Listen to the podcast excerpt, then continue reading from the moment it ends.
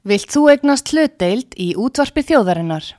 Sendu tölvupóst á hlutabref at útvarpsaga.is eða ringdu í síma 533 3943. Útvarpsaga stendur vörð um tjáningafrelsið.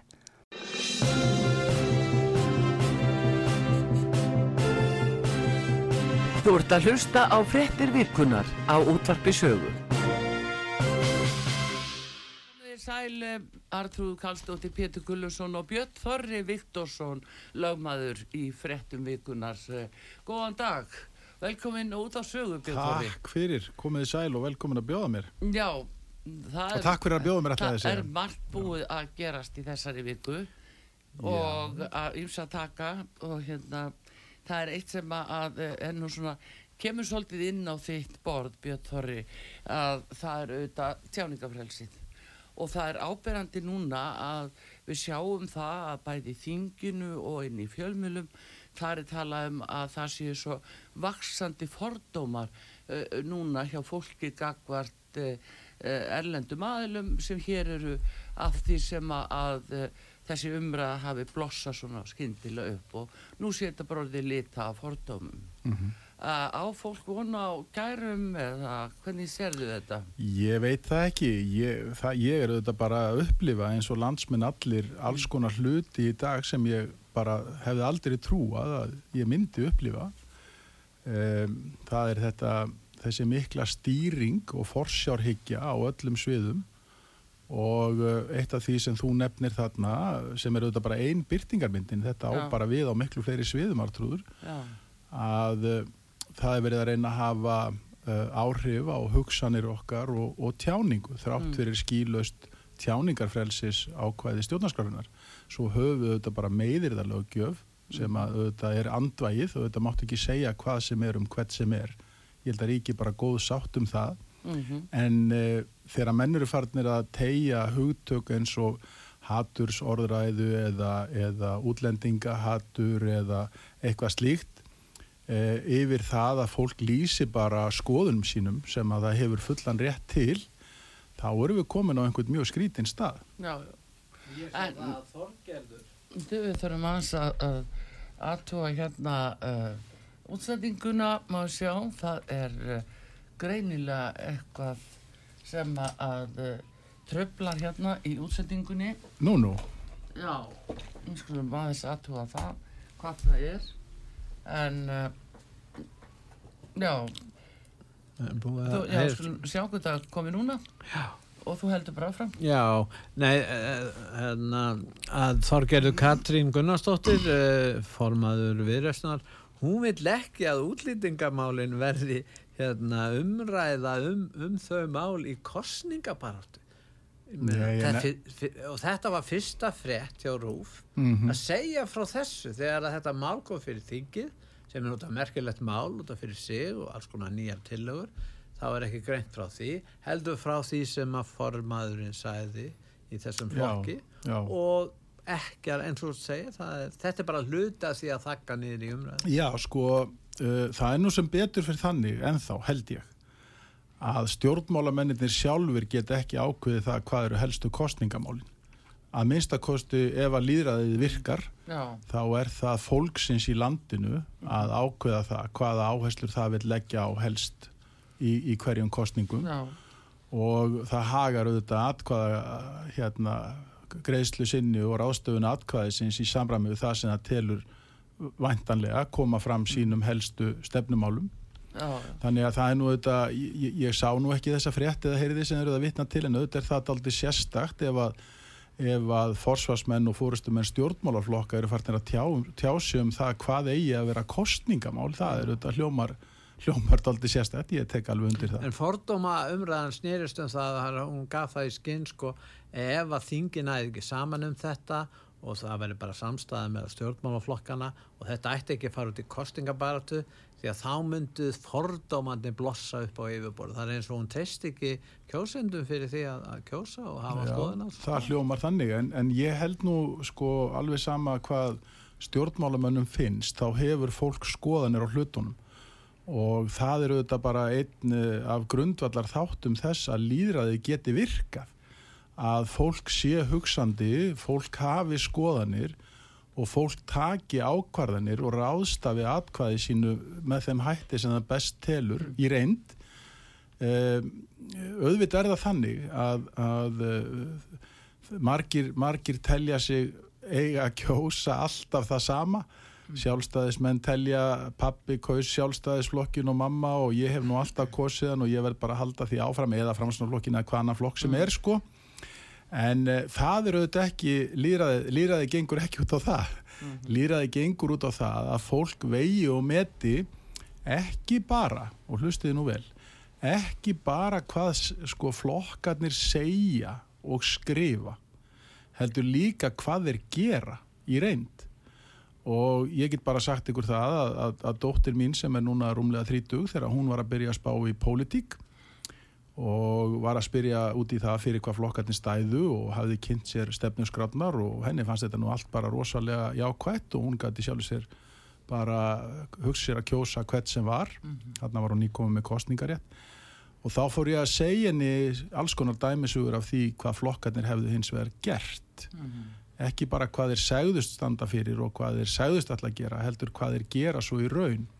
Og þetta var henni mikið áfall þegar hún áttaði sig á þessu og, og ég menna við getum tekið þetta fjölmörg dæmi af öllum flokkum. Bara eitt dæmi hér sem ég nefni er að, að í kostningunum 2009 þegar vinstri flokkarnir unnu, unnu stór sigur að þá, þá sögðu vinstri grænir að þeir myndi aldrei taka þátt í að sækja maðurld að örbursambandinu en það var eiginlegt að því fyrsta sem þeir gerðu samt. Já, já. og svona getum við tekið dæmi held ég af öllum flokkum því miður já, eða langflestum. En það er hins vegar svona Björn Tóri maður fyrir að sjá það alltaf betur og betur að það er þessi andstaða við svona mörg og mismunandi sjónamið það er, fyrirkomulegið í dag er ríksúttarpið alveg nummer 1, 2 og 3 með alla sína dreifingu og áhrif og uh, það er ekkert sko, það er, er ekkert allir sem að fá yngöngu þar með andstaða skoðanir Nei, nei Það er bara einn lína Það er mjög kvartað undan þessu og ekki bara á stöðin ykkar, Já. heldur bara út um allt samfélagið. Ég Já. heyri talað um það og og uh, fólk er orðið mjög hugsi yfir uh, ríkisútvarpinu og þeirri stefnu eða stefnuleysi, ég veit ekki mm. hvað á að kalla þetta sem það ríkir og uh, við heyrum það auðvitað öll að það er, það er mjög vaksandi umræða um það hvert ríkisútvarpið á yfir höfuð að vera til í þeirri mynd sem það er í dag mm. ég meina það, það er mikið talað um það að þetta sé öryggisvendill og, mm. og þetta er að vera almannavarnartæki og fleira og fleira og svo sjáum við það þegar að koma upp sko stórkostlegir atbyrðir eins og, og eldgós að það er vallar rofin dagskrá og það eru aðrir fjölmilar sem eru löngu fyrrbúnir að vara já, fólk já. við og segja frá. Jú og almanna varnir og neyðalínan, þeir náttúrulega eru kominir í stórt hlutverk við að vara fólk við. Já það er náttúrulega bara alveg sér kapitúli í sjálfu sér hvernig, hvernig stjórnvöld hafa beitt einmitt almannavörnum mm. uh, og í raun og veru bara byrjum við að sjá þetta á COVID-tímanum hvernig, hvernig eh, okkur er sagt að hér sé endalust neyðar ástand og okkur er kent að þekki einhverja litakóða og það er alltaf verið að vara okkur við öllu mögulu og ómögulu og allt er svo hættulegt og ég meina núna er allt í hennu verið að vara okkur sérstaklega við einhverjum faraldri af mislingum eða hættusótt. Ég meina þegar ég var ungur þá gengu þessar pestir bara yfir og og hérna það var engin að fara neitt á taugum yfir því, fólk bara mætti í vinnuna og hjælt sínu lífin og ef einhver smitaðist þá bara laðist hann í rúmið eins og fólk gerir þegar það fær pestir og lang flestir bara sleppa frá þessu góðu heilli bara öðallega. Jú, jú, miklu betri liv í dag, síkla liv í dag. Já, Já. sko. Svo styrka er ánæmiskerfið með því að fá hérna þessa veiking. Já, það er nefnilega málið. Það er ekki mikið fjallað um það að partur af því að þroska og styrkja ánæmiskerfið er einmitt að fá í sig veirur og sjúkdóma mm. og, og, og, og síkingar og þess aftar til þess að, til þess að hérna, það verði betur í stakkbúi við að mætast líku síðar. Mm. Þannig að, að ég tek alveg undir það, ég meina það er allt svo hættulegt í dag, við höfum alltaf að vera hrætt, mm við höfum að óttast stöðugt og hérna þetta er allt svo ægilegt og agalegt og í raun og veru er það þannig að við hugsaum þetta aðeins lengra að hvað er besta stýritæki í mannlegu samfélagi? Og þetta stýra fjöldanum þá byrjar auðvitað á því að gera hann hrættan vegna þess að hrætt fólk og hrætt dýr þau láta yfirleitt vel að stjórn. Já, já, en það, það er aðtiklisverð skoðanakönnun sem að Bilgjan gerði. Og uh, þeir spurðu hvort að, að uh, þeirra lustendu heldu að, að fólk væri sko hrætt við að tjá sig skoðun sína og það voru en 70% sem sögðu já, Já. Já, að fólk bara væri svona hrætt við það það er mjög og alvarlegt. þetta er kannski sá veruleiki sem við erum að horfast í augu við að fólk bara þorir ekki. Ég tek eftir því að fólk uh, sko, tekur með afsýðis bara inn í maturubúðum og kíkir í kringu sig hvað það nokkuð sjái. Þú veist, og segir Já, svo mikið lifandi skelmingar í já. en ég segi það bara ekki við nokkur annan. Nei. Þetta er alveg svakalega slæm þróun Já. og, og hún kemur til vegna einhvers konar ofbóðslegar þöggunar og kúunar af hálfu þeirra sem eru á öndverðu meiði. Og, og það er komið ákveð ástand í samfélagið að ef þú lýsir skoðuninni uh, og nú ítrekka ég það auðvitað, menn þurfu ekki að vera sammálu um alla hluti og menn meiga vera ósammálu og það Já, er bara eðlilegt að vera ósammálu og takast á um hluti. Já, út, það er líka einn af hortsteinum líðræðisins, takið eftir. Að allir geti tjáð sig, komið fram sínum sjónarmiðum og síðan menn þá bestað ákvarðanir sem þeir taka á grundvelli mismunandi sjónarmiða. já, Út á þetta gengur líka gaggrínin hugsun sem við höfum nú nefnt áður hér á þessari stöð. Að, að menn eigi alltaf að efast hæfilega áður en þeir taki ákvarðanir og, og, og velta fyrir sér hvort þetta sé rétt og reyna að gaggrína það sem þeir hyggjast fyrir. Eh, Það er ekki mikil eftirspurn eftir þessu fyrirbæri og þeir sem, þeir sem leifa sér að hugsa á gaggrínin hátt, þeir eiga þá hættu að vera jafnvel bara útskúaðir eða þakkaðir eða kanseleraðir eða hvað Já, þetta já, heitir í já, dag sko. Því miður, þetta er mjög vond þróun. Það er það og svo líka annað að það, e, við erum að sjá það aftur og aftur og það á nú sérstaklega við kannski um stjórnmálamennina sem verða fyrir því að þeir eru kallaði populistar í tíma og tíma Já, já. að þá er þess þá er í niðrandi merkingu Mhm. að þeir eru svo miklu populistar að þá helst ekki taka marka á þeim Nei, nei. þannig er stimplunin sko á Þetta, nú, bænum. þetta er nú hugtak sem er nú kent held ég við Eirik Bergmann. Já, hann að ágæta- byrjaði ágæta að, nota það uh, af miklum, miklum krafti. Og ekki nóg með það ef við erum stolt af því að, að, ef við erum stolt af uppruna okkar og landinu okkar og að vera Íslendingar og íslenska fullveldinu og allt þetta þá erum við kölluð þjóðernispopulistar. Já, hmm. eða jafnvel einhvers konar nazistar já, já á hægri ekki auka hægri auka hægri það, það því er skoti gjarnan fyrir Mhm. aftan í já. En, En- en, en- er ekki vandin sá að stjórnmálaflokkarnir er ekki líðræðisflokkar, heldur valdastofnanir. Þetta eru fyrst og fremst valdastofnanir og þess vegna geta það verið tækifæri sína þeir, og síðan er að fara að engjana fjölmiðla sem þið myndist á áðan í staði fyrir að fjölmiðlar stundi fyrst og fremst fjölmiðlastarðsemi þá eru til dæmis rúfir að verða valdastofn. Já, það, það upplifa það margir þannig að rúf í raun og veru uh, að minnstakosti ge- gengur erinda ákveðina afla. Já. ég, ég, ég, það er svo sem engin völd bundin við rúf önnur en þá þeir fá svo mikla peninga, það, það er akkurat málið en, en, en sko af því þú varst að spyrja um þetta með stjórnmálaflokkana þá, Mm. þá hérna þá, þá byrtist grein í mokkanum í dag sem að mér finnst mjög aðtiklisverð það er það er grein frá fyrirvændi alþingismanni Vilhjálmi Bjarnasinni já, sem að ég er nú búin að tví eða þrý lesa og, og hérna, mér finnst mjög aðtiklisverð Síðasta setningin í greinin er ágætt. Já, já, já, já. Ég, ég er svo sem ekkit endilega sammálenni en, en, en, en hérna, er, allar alhafingar eru vondar en þarna í raun og veru uh, afhjúpar Vilhjálmur daldið þar sem að þú ert að spyrja um hvers konar fyrirbæri eru þessir gömlu stjórnmálarflokkar á Íslandi og þannig stundum talað um fjórflokkin Já. það var nú hugdag sem þú bjóst til svo ég haldi því til að haga líka eða þið hér já, Já, við vorum að tala um veist, já, og fjórflokkinn. og fjórflokkin Já, og. En, en hvað um það? Þa, það er, þessi grein Vilhjálms er allrar aðtikli verð og, og, og afhjúbart alltið hvernig kaupin gerast á erinni. Já. Vilhjálmur er sem betur fer mjög berorður og það er ekkit að þetta miskiljan. Uh, hann er ekkit að tala neitt í kringum hlutina, hann bara segir þá eins og hann, hann upplifir þá og það finnst mér almennt vanda í samfélagið og sérstaklega í pólitíkina Mm. pólitíkusar koma og þeir fá spurningar og þeir tala lengi og engin er neinu nærum það hvert svarið er haf- hafið Mm. Já, þið upplifað já, þetta? Já, já, já, já.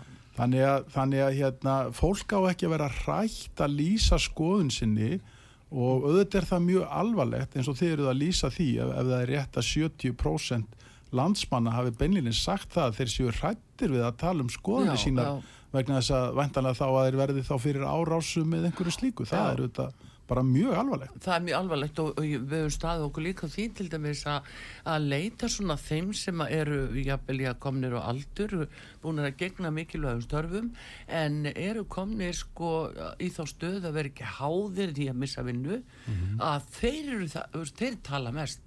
Það er best að fá þú þá til að tala, Það er segja frá. Ég hef alveg upplifað Það er þetta. ákveðið öryggi sem þeir finna og nú loksis get ég talað. Mm Já, já. Ha, Ég meina það, það þetta er, ég, ég játa það, ég fengi sömu tilfinningunum og ég, ég hlusta oft mest á uh, þá eldri og reyndari, uh, vitandi þetta einmitt líka að þeir eru búnir að afrega allt sem þeir ætla á starfsferlinum Já. og, og hafa enga að tapa lengur og, og, en þá erum við raunverulega að tala um það trúður að menn séu látnir finna fyrir því með því mögulega að missa vinnuna eða lífsviðuværi sitt eða, eða, eða þeir peningaöflun, já, Já. akkurat með einum öðrum hætti og það er líka mjög alvarlegt. Já, ef það verður afkomubrestur ef mönnum er hótað því og auðvitað, auðvitað þekkjum við dæmum það, menn hafa komið hér fram og sagst ekki að hafa fengið vinnu vegna þess að þeir hafa líst skoðunum sínum Já. eða haft þessa skoðun eða hinna já.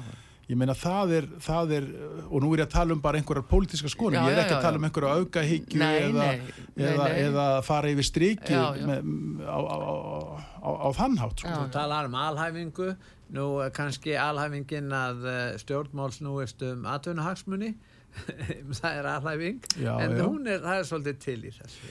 Já, Þetta ég meina- snýst um atvinnuhagsmunni og það hefur lengi verið í íslensku samfélagi. Já, Menn fengu embætti gegnum stjórnmálaflokka og, og þá eru þeir náttúrulega að fylgja stefnu valdastofnunurinn. Þetta er ekki nýtt.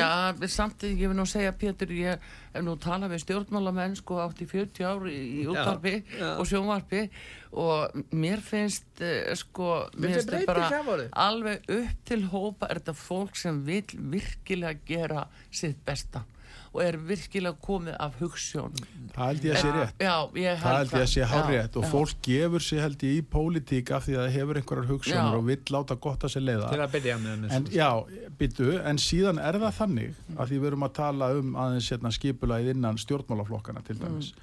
Síðan er það þannig að þegar að til dæmis kemur nýtt fólkin á þing, þá er byrjað á því að leiða það um, um sali þingsins og kynna því hvernig hlutinni séu nú hér í þessu húsi.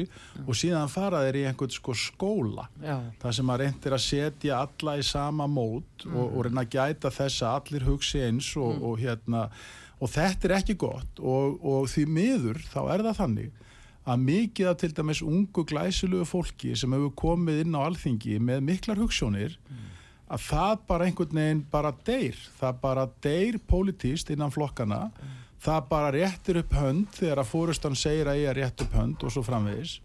Og, og það er ekki að standa upp og berjast fyrir, fyrir því sem það upphalið ætlaði að gerast því miður. Nei, nei. Minnst, auðvitað, ég er ekki alhafa en þetta er allt og algeng já, já, það er bara einhvern veginn slögt á þeim. Já, Það, það, það fær ekki það andrými og einhvern veginn er því kent það það bara hérna situr og stendur eins og fóristan Já. vill En svo líka annað, það, það tæki sem við nota nokkuð og það eru skoðanakannanir. Hvað sem fólki finnst um það, en þá er þeim beitt alveg miskunnulegst og, og uh, hvað sem má um það segja, það er eins og það sé orðið leiðandi tæki hvernig þú átt að hugsa af því að þessir með svona mikið fylgi og aðrir eitthvað minna og annað, Já, já. að þú átt að fylgja þeim af því þeir eru stærstir. Vilhjálmur gerir þessu ágætt skil í þessari grein sem ég nefndi á Já, að það. og hann talar einmitt um sko markaðsvæðingu stjórnmálana Já, að, að stjórnmálaflokkarnir séu hættir að, að þeir séu raunverulega að, að víkja frá stefnu sinni sem þeir segjast bóða og, eða, en, en, en, en fara að velta því miklu frekar fyrir sér hvað eigum við að bjóða upp á í hvaða búning eigum við að setja þetta til þess að við fáum hérna fleiri til fylgilags við okkur. Og það er auðvitað mjög alvarlegt líka og, og, og mér hefur fundist sko eh, fjara ótrúlega hratt undan sjálfstæðu okkar sem þjóðar og fullveldinu uh, kannski vegna þess að flokkar hugsa svona og þarna í raun og veru bara afhjúpar Vilhjálmur uh, höfum við ekki vitað þetta þá vitum við það núna að meira segja sjálfstæðisflokkurinn uh, þetta kemur frá fyrverandi þingmanni þrautreindum pólitíkusi að hann meira að segja vinnur svona. Og það kannski skýrir það á hvaða vegferð við erum. Já, já. Það, jú, jú, það er nú akkurat þetta og, og öll svona umfjöllun það er reynd að tala jafnvel eh, svona aðra skoðanir tala er niður En, en, og við, þá sem eru með það en ef við lítum á þetta, það eru þetta fjölmiðlarnir sem hafa þessi áhrif og það eru orðin stofnarnir. En nú er ekki bara fjölmiðlarnir sem hafa áhrif og, og, og á stjórnmála viðhorf fólks eða bara viðhorf almennt, kannski lífskoðinni líka, að þá er það ekki bara það. Það eru domstóla, við sjáum í bandaríkjunum, þá er farið að væða domstóla. Og við ekki, erum ekki komin þangað, en, en þetta er atrið sem að menn verða að fara að ræða svolítið um því að, að þarna ef þú opnar fyrir fréttir þá snúast, eh, snýst ekki umræðinu stefnu stjórnmálaflokka heldur hvernig staðað er er, hvað dómsmálum, sagamálum, ymsumálum eða einhverju fjölskyldu. Þetta, er fara að snúast um þetta. Já, já, það er mjög merkilegt að fylgjast með því sem er að gerast í Ameríku, Já. til dæmis núna eins og þú nefnir, að það eru málshöfðanir á, á, á báða bóa, uh, það er verið að reyna að klekja á frambjóðendum uh, og treysta á eins og þú segir einmitt, dómarana, Já. hvoru megin línunar þeir eru, hvort þeir eru demokrater Þeir eru valdir og kostnir alla. Já, já, akkurat og, og ég meina upphálega hugmyndin í þessu er mjög góð þar að segja að fólki geti kosið uh, dómara Mhm. uh, fólki geti kosið lauruglustjóran eða fylkistjóran eða hvert sem það nú er sko en, en þegar þetta er orðnir svona inngrónir flokks hagsmunir Já, að þá auðvitað er hætta á ferð það Já, er já. bara þannig og, og þetta er alveg nýtt, ég meina við höfum ekki séð þetta á Íslandi ennþá. Ekki að svona há... Nei og, og, og ég ætla þá að gefa mér það að það séu svona 8 til 12 ári í það að við sjáum það. Þess að við erum yfirleitt svona 8 til 12 árum og eftir Ameríku og já. með það sem þar er að gerast. Já, já. Að þetta er eh, hins vegar alveg rosalegt að horfa upp á þetta og þegar dómar eru farnir að rífast jafnvel við sko uh, hérna þá sem í, í mála, málarekstri Já, eru já, já, já. eru farnir að rífast bara á Facebook og, lí, eða já, og lýsa persónlegum skoðunum Já, sínum á Já, og aðilum mála og þess að þetta, er- þetta er mjög sérstaklega ég skal sko dæma þig góði. Býttu Já, en bara. það er ekki bara gagvart stjórnmálamönnum. Við getum tekið þetta mál út á hennum Julian Assange mm sem mér finnst nú að bæði fjölmiðlar hér í Evrópu og Bandaríkjunum þetta, þeir náttúrulega kannski með aðra áslur en, en hafa ekki nægilega fjallað um því að þessi maður sko rökin eru þau að það sem hann byrsti eh, var sko var flokkandi njóstastarðsemi því hann væri ekki bladamaður eða fréttamaður. Já, já. það er auðvitað alveg efni í heilan þátt uh, að tala um Julian Assange Nefnum að þeir eru nú, hann stendur í, í erfiðleiku núna. Já, heldur maður reyna að verja stöðu sína Heldur gagvart betur. framsali til Já, já. bandaríkjana já, já.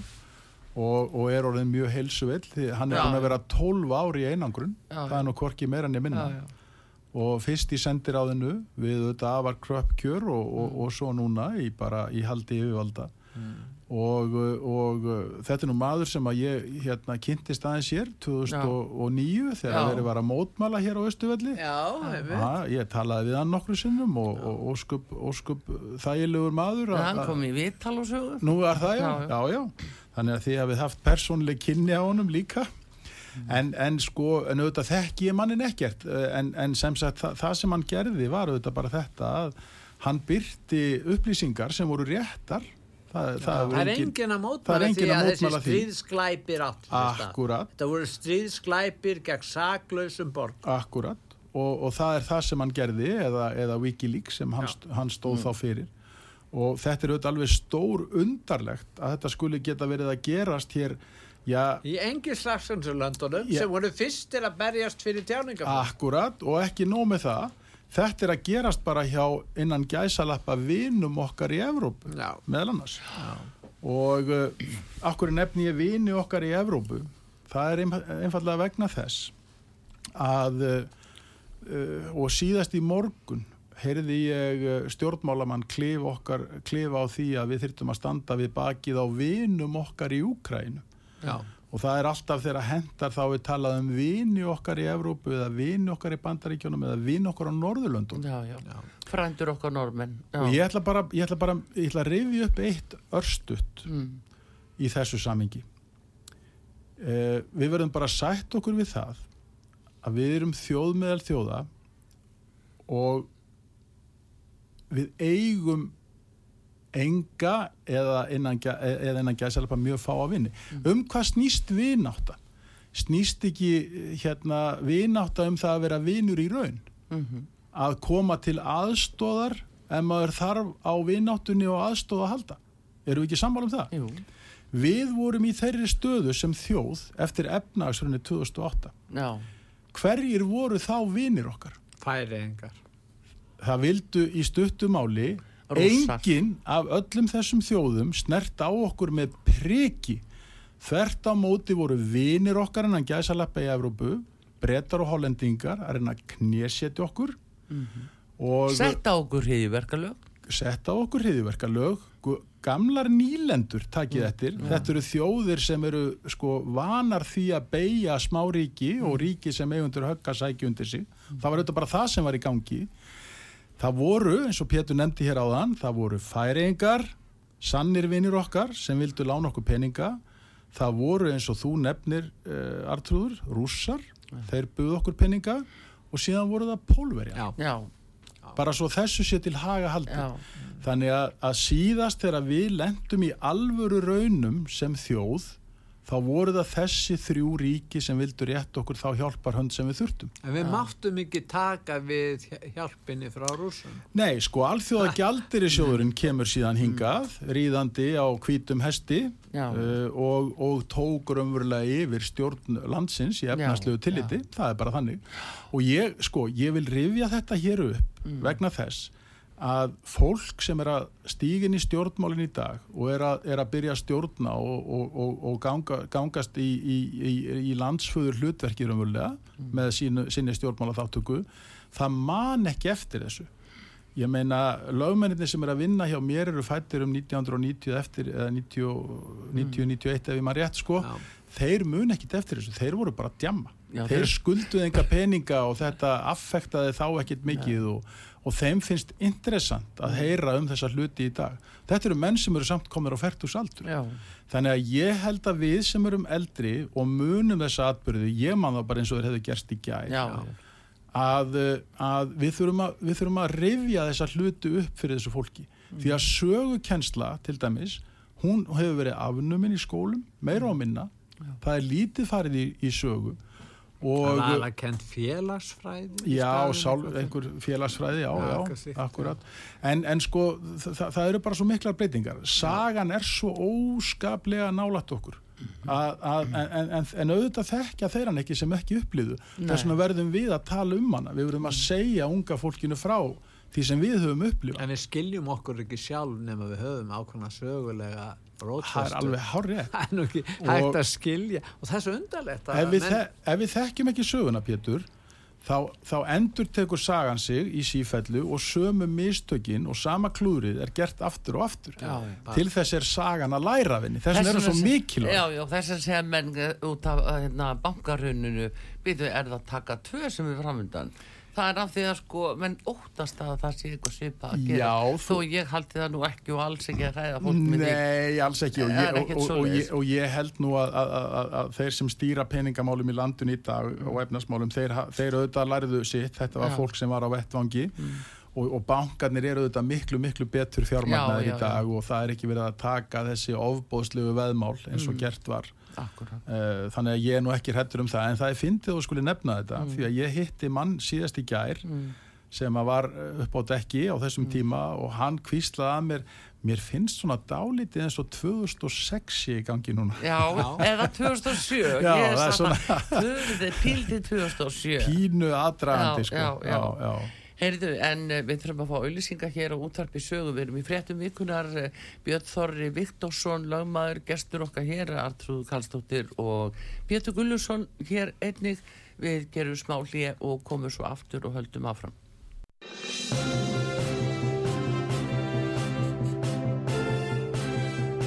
Þú ert að hlusta á frettir virkunar á útvarpi sögu. Komið þið sæl aftur þegar að hlusta á útvarpi sögu. Artrúð Kallstóttir, Pétur Gullusson og Björn Þorri Viktorsson lögmaður hér að fara yfir ímismál. Við vorum meðal annars að fara aðeins áðan aftur til ásins 2008 þegar bankarhunni skall á.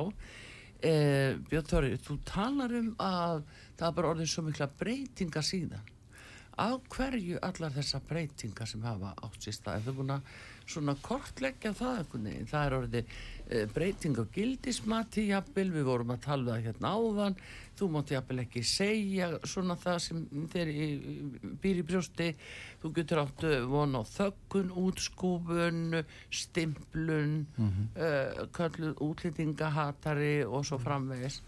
Uh, Ég get auðvitað ekki skýrt þar trúður, Mm. auðvitað er það uh, á einhvern hátt eðlilegt að samfélög og þjóðfélög þróist. Mm, um, og að svona hefðbundin gildi hérna breytist frá Mm. einum tíma til annars.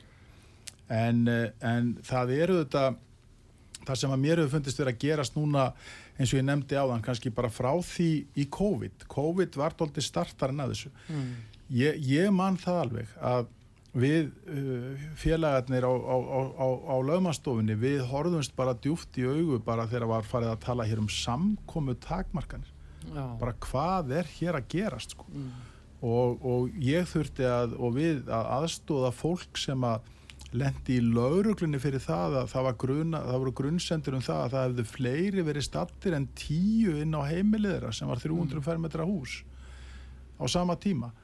Og, og uh, það, það varð alveg ótrúlega lítil uh, svona andstaða við þessa ofbóðslegu grundvallar skerðingu á réttindum almennings. Uh, við erum að tala þarna um bara fríðhelgi heimilisins, við erum að tala um bara rétt fólks til að ráða dvalarstað sínum og, og svo framvegs og framvegs. Allt var þetta gert í þá einhverja sóttvarna og, og, og, og okkur var sagt að þetta væri mikil og hræðileg pest sem við varum að glíma við sem að reyndist nú sem betur fer ekki vera, nú er ekki að gera lítið úr því að þetta fóru einhverjir illa út úr COVID eins og öllum öðrum pestum. Það er bara, það er bara ekki mikið talað um það en, en, en það, við eigum dæmi hér um það að það hefur leiðin og landsbítala týjir fólks bara sem er þá veikt fyrir auðvitað og sem að, sem að hérna bara þegar höstpestur og flensur ganga Já. yfir. Það er ekkert nýtt.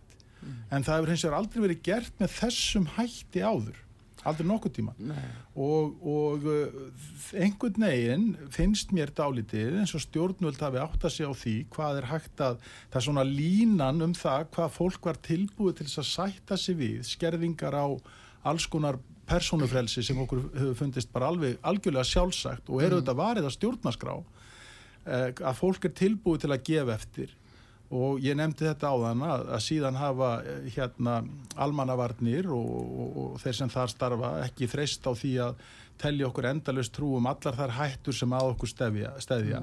Á sama tíma og það er verið að reyna að stýra okkur meira það er miklu meira um lokanir á vegum og það er allt hræðilegt í dag. Ég meina ég og einn, einn góðan félaga sem hefur kert hér kjalanessi í 25 ár og áður en þessi vittleisa sem að ég leiði mér að kalla að minnsta kosta á köplum byrjaði þá hafði hann uh, einungis tvísvar sinnum ekki komist í vinnuna vegna ófærðar eða veðurs.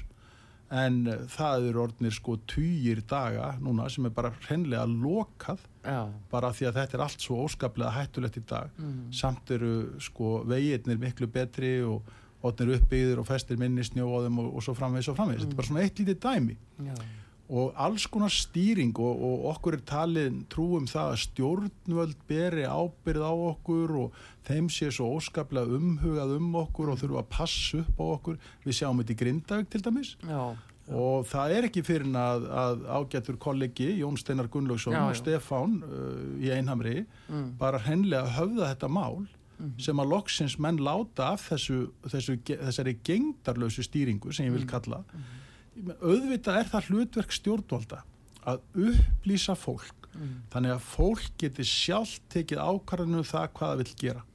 Sjálfs ákvarðina rétturinn verður að vera nummer 1, 2 og 3 í þessu. Mm, og það að banna fólki með þeim hætti sem gert var að sækja eigur sínar eða, eða nálgast heimili sín svo dögum og vikum skipti þetta er auðvitað bara í mínum huga algjört slís algjört slís það áður er að ná utanum vettvangin upplýsa fólk með sem allra bestum hættu um þær hættur sem kunna vera til staðar hvetja til að fara gætilega en síðan verður þetta bara fólk að fá að bera ábyrð á sínum eigin hagsmunum sjálft. Já, en er það ekki með svolítið svona uh, jákvætt skref í, í rétta áttu sem að segja að nú er sagt að jú, þið getið farið til Grindavíkur en þið gerir það eina ábyrg Já, það er akkurat Það það, sem átt að gera frá já, það það er akkurat málið. Og ég sko. skil alveg, bara svo að það sé sagt líka, ég skil alveg fólk sem hefur engan áhuga á því að fara þangað Mm. og er bara hrætt og óttastlegið og líður ekki vel. Ég vil Ég- ekki taka á hættu. Nei, vill ekki taka á þetta. Ég ger ekki lítið úr því, en það, en það á auðvitað að vera fólksins sjálfs Mm. að taka um það ákvörðun. Akkurat, Síðan eigum við hinn bara að sína því skilning hvaða ákvörðin fólk tekur. já annar mál og önnur mál Björn Þorri Kannski eitt atrið í sambandi við eftirliti. mm. Sko nú náttúrulega Björn þá er meiri tækn og hásóðari, hún er notuð til að hafa meira eftirlit með Já, fólki. já. Við erum að ganga inn í þann heim og við höfum fyrirmynd fyrir okkur. Það er kynmerska alþjóðlið. Já, já. Þar sjáum við hvernig þeir hafa nýtt tæknina, þetta tæknivæta samfélag, til þess að hafa já, mjög mikið og þeir sækjast eftir nánast fullkomnu eftirliti með öllu því sem einstaklingur gerir. En þetta má auðvitað aldrei gerast í, í líðveldinu Íslandi. Mhm. Ég meina personu frelsið á að, og það er tryggt með Og við erum að stjórnarskrá. taka fyrstu skrifin. Já, ég veit það og þess vegna, þess vegna hef ég áhyggjur af þessu. Þa, þetta má ekki ganga á þann vega til dæmis sem þú nefnir að er að gerast í Kína. Þar eru þetta óskaplega lítill personuréttur það er pers, personufrelsi öllu heldur. Það er bara, ég meina, þar eru Það var bara... það í Hong Kong að það búið að taka það af þeim líka. Já, ég þekki það ekki, en, En- en en, þetta er bara allt annað þjóðskipulag og við, viljum við taka upp kýmvest þjóðskipulag á Íslandi? Já, ég held að langt flestir segir nei. sko, eru mm. tæknisinnaðir, þarna er gífur úr hagvöxtur, menn segja nú er hægt að breyta samfélagum og, og gera þau miklu þróa, þetta er sér hluti af því að þróa samfélagi til meiri tæknivæðingar Væðingar og, og svo að tryggja betur að, að almenningu styðji slikt og annað slikt, það er það sem er að gerast. Já, já. Þetta er farið að berast út, sem eru hrifnir á þessu. Já, já, eflaust og ég meina Ha? það er auðvitað líka Hver mætir á World Economic Forum? Það eru kynverjarnir. Já, já. Og þeir mæta þar og þeir, menn faðma þá að sér. og valda fólk úr Evrópu Rétt, og og peninga fólk úr. Evrópu og Ameríku Já. það er málið og talandum, talandum það þá er, þá er það auðvitað eins og, eins og þið hafi nú bent á hér og, og fleiri að World Economic Forum stefnir að einni alheimstjórn Já, já. Og, og það er auðvitað bara svo að það sé strax sagt ég auðvitað velti því fyrir mér hvernig fósetsráður að líðveldisins Íslands getur verið sérstakur sendi herra slíks klúps Já, ég meina mér finnst það ekki passa ég verð bara að segja alveg eins og er Nei, sérstaklega því að þjóðin hefur ekki fengið hérna skýringu á því hvað það ég, það, er bara, það er óskaplega felst. lítil umræða um þetta. Artúr. En, Og- Þetta er eitt af því sem er þakkar svona niður Já, og svo hissist, allir já. rættir að tala um það já, já.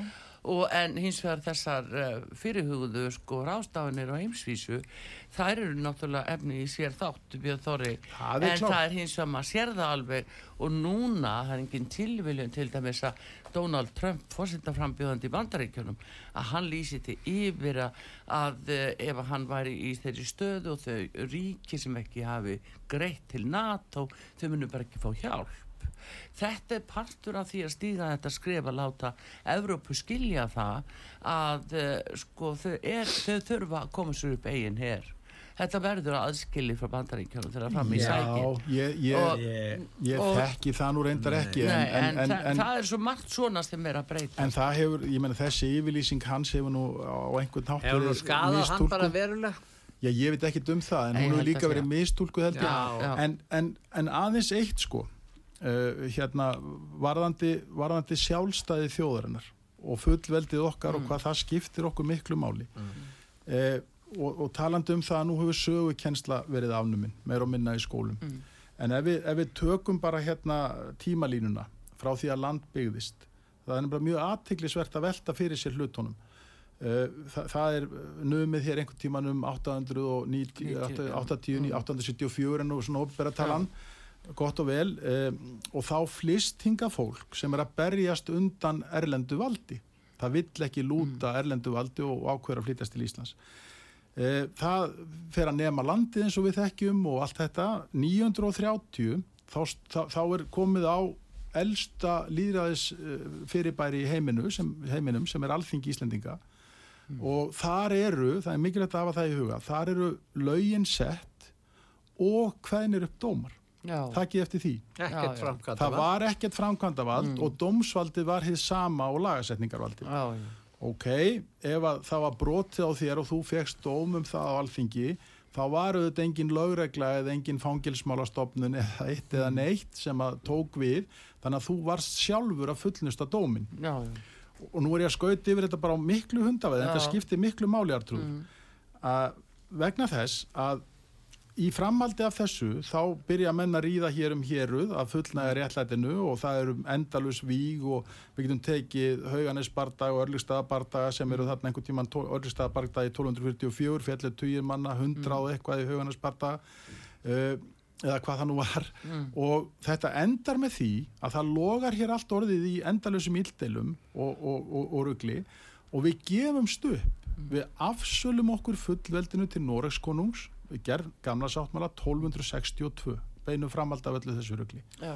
og við skulum líka hafa það í huga fyrir hvað við gáum eftir fullveldið og sjálfstæðið það var fyrir sex kaupskip á ári af varningi til ekki. landsins sem svo síðar kominu ekkert endilega alltaf Nei. já, já, en, já. en höldum síðan áfram síðan gerist það að, að, að í, í, í, í viðskiptum milli konunga þá erum við framselt til Danmerkur og síðan skulum við koma og við nefndum þetta nú aðeins í þætti hér um daginn Pétur, 1844 eða 8 þegar að Dana konungur gefur eftir eh, völd sín til þjóðarinnar. Já, 48, já. já, 48 já.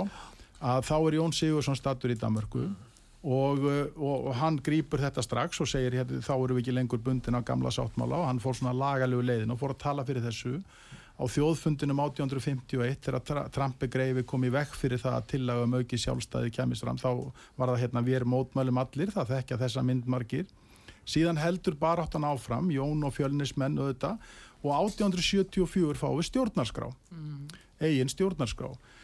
Ný, 1904 fáum við heimastjórn og fyrsta íslenska ráþæran 1918 fáum við fullveldið og 1944 klárum við svo málið með stofnum lífveldisins Já, já. Og nú ætlum ég bara að benda ykkur á það. Frá því að við afsöluðum okkur fullveldinu 1262 þanga til að við fáum það aftur 1918 hvað var að frétta á Íslandi á þessum tíma? Var eitthvað að frétta? Nei. Það er ekkert sem stendur eftir frá þessum tíma á Íslandi. Við vorum undir okkur þjóð. Uh, fólk lifði hér í heiðarbílum uh, það var sjálfsturtarbúskapur og nánast ekkert annað í bóði kaupmennitin voru erlendir og hyrtu hér allan varning og fólk lifði við, í sára fátækt. Allt sem við sjáum í dag á Íslandi og það er þetta sem ég held að unga fólki skilji ekki eða skilji illa. Allt sem við sjáum manngert á Íslandi í dag hefur orðið til eftir 1900 með örfáum undantekningum. Það er ekki nema rétt 120 ára gamalt allt sem við sjáum. Allar fastegnir, allt vegakerfið allar opinberar byggingar fyrir reyndar utan alþingishúsið Já, og hitaveiturnar, rafveiturnar, orkuverin, allt þetta sem við eigum að vera stolt af að forferðar okkar byggðu hér upp á undra skömmum tíma. já, Þetta datt ekki af himnum ofan. Útfæsla landhelginar kláraðist ekki fyrir milli 1970-80. já, Það er ekki sjálfgefið að við höfum 200 milna fiskveðlöksu. Við þurftum að berjast fyrir henni. Það var enginn sem færði okkur þetta og allt gátum við gert af þessu eftir að við urðum fullvalda. Þess vegna er fullveldið og sjálfstæðið svona gríðarlegur hortsteinn að allri velmegun og, og þess að það sé einhvers virði að búi þessu landi að við verðum að standa vörðum það. Já, en núna einmitt þegar þú segir, eh, Björn Torri eh, þetta með þessar breytingar og uh, það kannski svona bara lítil umfjöllun segjum það um akkurat þetta sem þú ert að segja en þessi stað sjáum við einna helst það er gríðalög fjöldi afbróta, aukning, aukning, aukning nýfa árásir eh, nánast eh, í hverju, já, Já, hverju já. einustu viku það eru nauganir það, Því miður, það, er bara, já. það er a- alltaf breytast til hins hvað verra Já, við A- höfum að svo sem alveg til. slagsmál og nýfabarda og nöðganir áður því miður Jú, jú, það, ja, það er þannig en, en Þetta bara, er aukist. Já, já, þetta verður aukist, ég er ekki, Já, ekki, já. ekki gera lítið úr því en það sem ég ætlaði kannski bara svo ég nikki á því í lokin Mm. það er alveg sama í hvaða evróskri borg þú, þú lappar um. Mm. þú lappar kannski bara meðfram einhverju síki í Amsterdam og þú horfir upp á eitthvað hús og það var byggt kannski bara 1450 eða 1513 Evrópa, hún var sko hún var sko öldum á undan okkur í uppbyggingu, atvinnu uppbyggingu og öllu.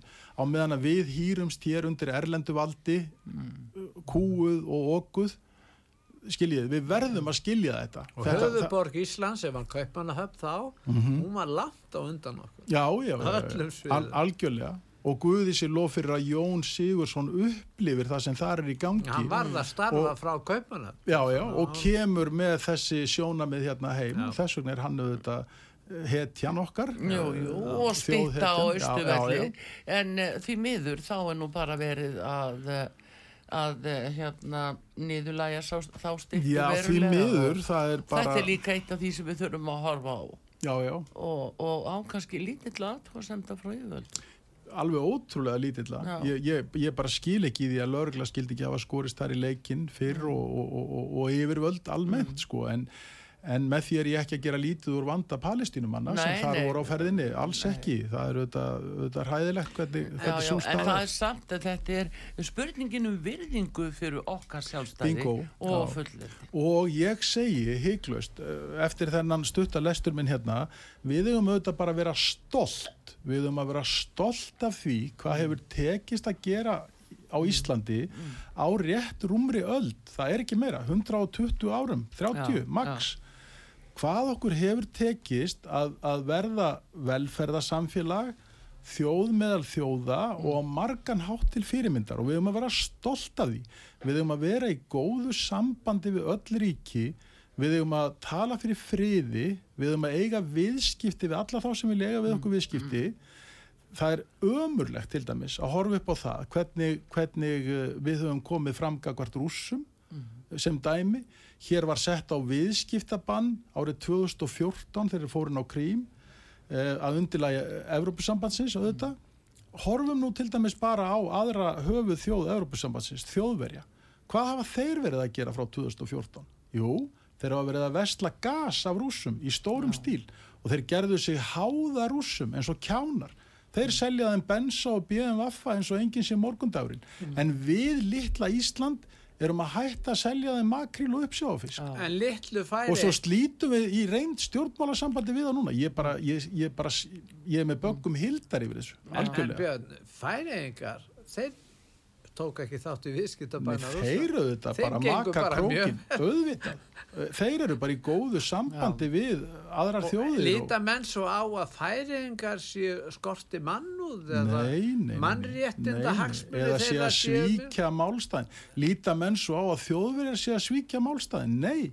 Þeir eru búin að vera í stórkostlegum viðskiptum við Rúsland, öll þessi ár. Já. á meðan að við lítil þjóð hérna norður í, í hafi gengur á undan með einhverjum furðulegum hætti, ég bara ég, ég skil, það fer einhvern veginn ekki saman hljóð og mynd í mínum huga Nei, nei. Þannig er einmitt svona þessi, já, örla punktu sem þú ert að nefna, hérna, Björn Þorri, kannski af því sem koma skal ef þetta á að halda svona áfram, að þá mun bara hellast yfir okkur margfald meiri breytingar og við fáum líklu um það ræði. Já, En sko við, það er svolítið merkilegt ekki bara með Ísland þetta Vesturland þegar að kommunismin sinni, eða Sovjetrikin sinni 1991 þá auðvitað hrunduðu, það var ekki styrjöld sem leiti til þess að þeir hrundu. Þetta var til til að, að friðsamlega með friðsamlegum hætti. Og við höfum að fagna því, þeir taka upp markasbúskap, þeir vilja taka upp líðræði og, og það er þetta vandamál. Það er vandamál með landamærin á milli þessara Sovjetríkja innan raðstjórnaríkjana þannig að það er, það er alls konar landamæra erjur út um, út um all landi við viljum ekki viðkenna neitt slikt Né, sko, við, Skilur, þá erum við bara að gera kröfur til þeirra og segja, já sko allt, allt til 2008 þá segja Vesturland jú, það var góð samskipti við, við Rússland þá, en þá segja Vesturland, við ætlum að vinna því að Úkraina og Georgía verði hluti af NATO. Og það gáttu bara rússar alls ekki fælt sig við. Nei, nei. Það er rétt. Og ég, ég, en Menn tala um öryggishagsmunni Ísraela, Mhm. hvernig væri að tala líka eitthvað um öryggishagsmunni rússa? Já, já, þetta er umræða sem kemst ekki mikið að en, en málið er hins vegar það, bara svona í, í, í stóra saminginu, þá erum við lítil 400.000 manna þjóð eða hvað við erum. Við getum ekki haldið það og meigum ekki halda það og eigum ekki að koma þannig fram að við séum einhver alheims lögga sem geti öllu bjarga sem okkur finnst ekki nógu gott í heiminum. Þekkjandi misvel söguna og aðstæður í öllum heimslutum það, það er bara eitthvað svo rámt við það. Eins og ég segi, við eigum að reyna að vera í góðum samskiptum við allar þjóðir. Það er mín skoðun. Við eigum að eiga í, í, í, í eðlilegum og, og uppbyggilegum viðskiptum við allar þjóðir En svo sem gert var okkur fyrir viðskipti. 1918 þegar við föngum fullveldi, já. Þá En við- en við eigum hins vegar að tala fyrir friði og ég hef, hef sagt, heldur að væri ekki betra núna að vera í þokkalega góðu sambandi við rússa sem dæmi og reyna að leggja eitthvað gott til friðar. Mér finnst furðu fáir vera að tala um frið.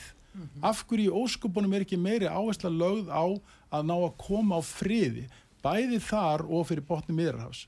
En varandi átökin fyrir botni miðrarhafs þá í alla mína bernsku heyrði ég í fréttunum endalust verið að tala um átök fyrir botni miðrarhafs og, og þetta er ekkit nýtt því miður. Og, og, og, en ég ætla ekki að taka stöðu með einum eða neinum í Nei. þessu. Ég, þetta er bara ömulegt mál og, það, en, en fólk þarf nummer 1, 2 og 3 eða vil láta eitthvað gott að sér leiða að tala fyrir friði. Já, það látum við verða að loka orðin að þessu sinni Björn Þorri Viktor Sólöfmaður um leið og ég þakka að kella fyrir komuna hinga til okkar út á sögu Artur Kallstóttur og Pétur Gullarsson hvað ykkur Takk og að þið fyrir, Björn. sæl. Já, takk fyrir mig Verðið sæl. Bless